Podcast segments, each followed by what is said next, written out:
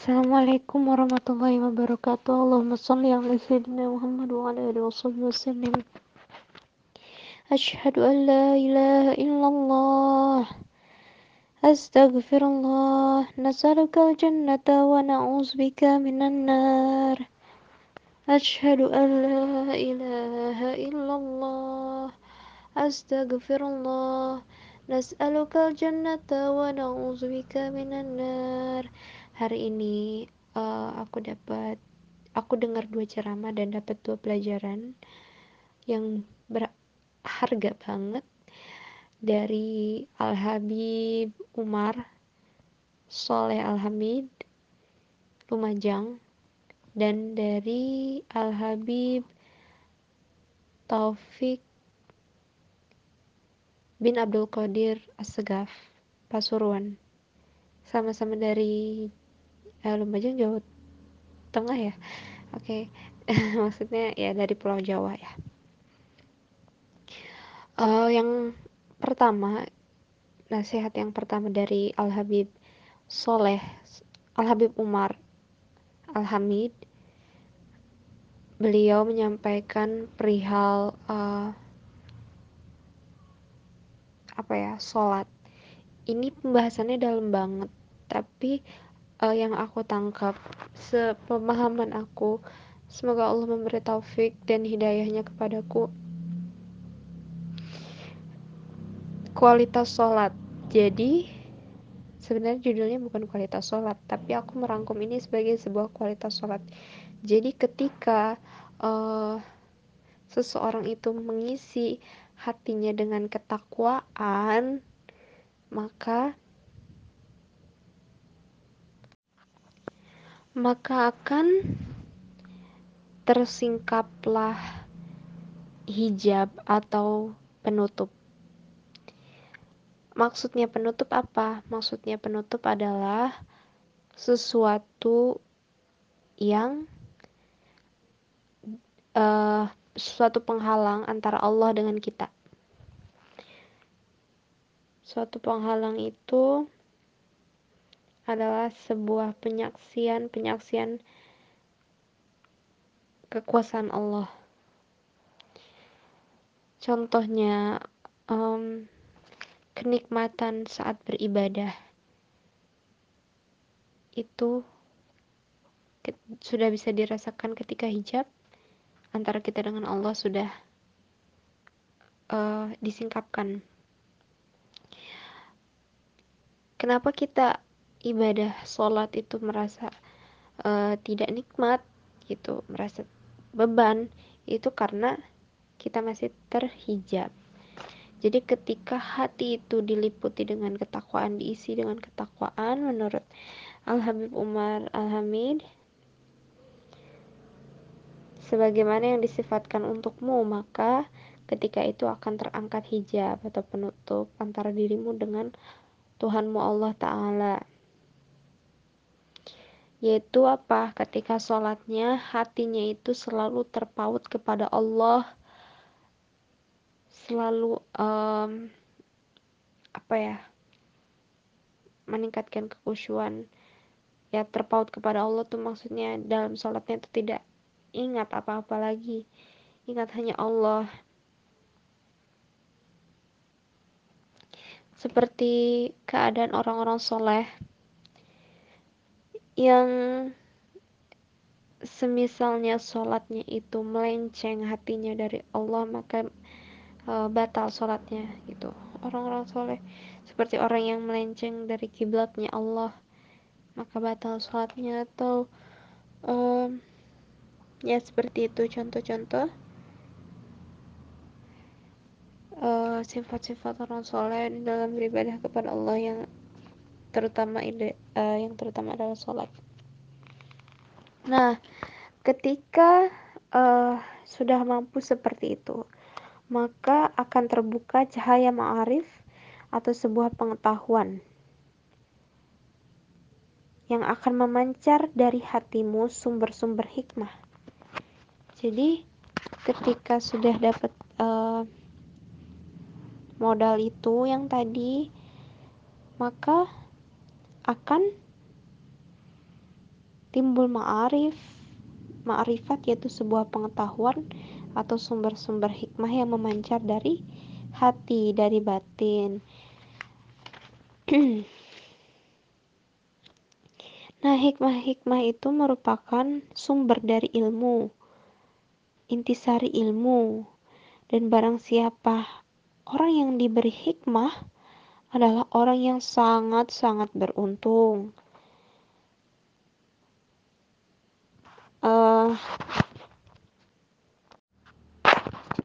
sebagai contoh, seorang yang memiliki ilmu agama, yang mengerti, yang paham akan ilmu agama, tetapi bermaksiat kepada Allah, maka dia tidak ada hikmah dalam ilmunya, yaitu hikmah tersebut adalah hasil dari uh, pancaran hatinya tadi. Nah, ketika tiada hikmah tersebut, maka ilmunya itu kurang bermanfaat bagi dirinya. Dan uh, maka dari itu, orang yang berilmu saja belum tentu mendapatkan hikmah dari ilmunya apalagi orang yang tidak berilmu. Syaratnya mendapatkan hikmah yaitu ilmu, karena ilmu adalah sumbernya hikmah. Zaman sekarang orang uh, tidak mau menuntut ilmu tapi ingin mendapat hikmah. Itu tidak mungkin karena tidak ada jalannya. Itu nonsens, kata Habib. Tidak mungkin karena hikmah itu dari ilmu itu sumbernya dari ilmu taufik dari Allah. Maka itu tadi Al Habib mengatakan bahwa uh, hijab itu bukan berarti terbuka hijab itu maksudnya bukan berarti bisa melihat hal-hal gaib. Itu adalah hijab biasa hijab awam hijab yang maksudnya hijab yang terhalang dari terhalang dari kenikmatan e, merasakan kebesaran Allah. Contohnya ngomong dunia di masjid itu adalah hijab. Baca Al-Qur'an ngantuk, lihat HP berjam-jam tidak ngantuk itu hijab. Lalu di majelis taklim ngantuk tidur. Tapi ketika keluar atau ambil makanan ngantri makanan tidak ngantuk itu hijab. Seolah-olah Allah mengatakan bahwa kamu nggak usah paham ilmu ini. Kamu nggak berhak paham ilmu ini. Udah tidur aja seolah-olah seperti itu. Itu hijab. Lalu aku nih hijab yang aku rasakan susah untuk ke majelis taklim. Itu hijab ya Allah. Terus hijab apa lagi? Banyak sekali. Tidak merasakan kenikmatan sholat malam tidak menikmati tidak belum menikmati sholawat belum menikmati penghayatan ayat suci Al-Quran belum itu hijab juga. Nah ketika seseorang itu sudah Allah angkat hijab dari dirinya Allah buka hijab dari dirinya yaitu uh, hikmah yang memancar dari dirinya maka dia akan melihat dengan uh, apa ya namanya sebentar saya lihat catatan kekuasaan atau rahasia-rahasia kekuasaan yang tidak dipandang oleh pandangan zahir atau pandangan bola mata, tetapi pandangan basiro atau pandangan mata hati, yaitu pandangan mata hati. Pandangan ini uh, perlu dilatih, tidak serta-merta ada pada diri orang kecuali nabi dan rasul dan para waliullah. Um, jadi gini contohnya. Al Habib Umar Al Hamid bercerita beliau lupa apakah ini hikayat dari cerita uh, apa ya uh, riwayat dari Nabiullah Isa alaihi salam atau Rasulullah Shallallahu alaihi wasallam bahwa suatu ketika Nabi Isa alaihissalam atau Rasulullah wasallam Allahu alam yang mana yang benar uh, melihat bangkai. Ketika itu beliau uh, bertanya, apa yang kamu lihat dari bangkai itu? Seluruh sahabat-sahabatnya menceritakan bahwa bangkai itu busuk, bangkai itu buruk, bangkai itu begini, begini, begini. Tapi beliau mengatakan apa? Bangkai itu giginya masih putih. Nah, itu adalah pandangan mata batin. Nah, pandangan mata batin itu yang pertama. Yang kedua, um, cerita yang kedua yaitu Sayyidina Hussein atau uh, Sayyidina Ali Zainal Abidin Allahu alam beliau uh, ketika lewat diludahi oleh seorang muslim Beliau tidak marah, tapi mengatakan, ludahnya seorang muslim, oh ya, beliau diludahi oleh seorang muslim di wajahnya. Beliau berkata, ludah seorang muslim adalah obat. Nah, inilah akhlak akhlak penghuni surga. Yaitu beliau melihat dengan pandangan mata batin. Jadi beliau melihat rahasia di dalam rahasia hikmah di dalam setiap peristiwa itu. Nah,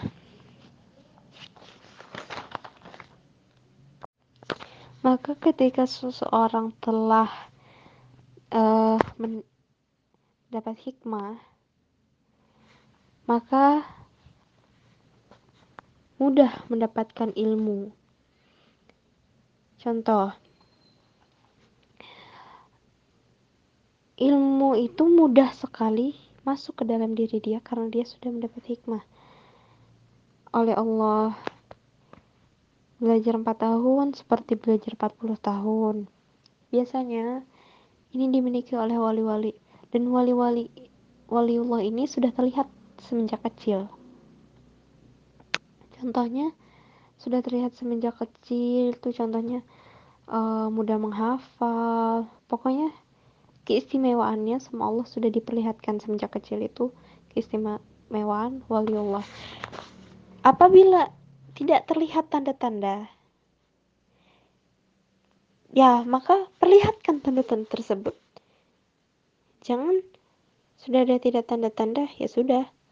Itu kita berusaha. Contoh jika anak ini tidak mau sholat bukan dibiarkan saja karena dia masih kecil tapi dididik gitu untuk sholat. Munculkan tanda-tanda itu menurut Al Habib Umar Al Hamid. Maka yang sudah mencapai derajat ini adalah para wali yaitu ilmu diamalkan hikmah dibuka mata batin maka wali wali itu tidak ada yang bodoh.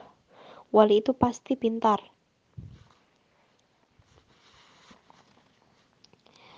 Karena hakikatnya wali Allah itu bisa nikmat merasakan nikmat ketika beribadah kepada Allah Subhanahu wa taala. Itulah yang susah.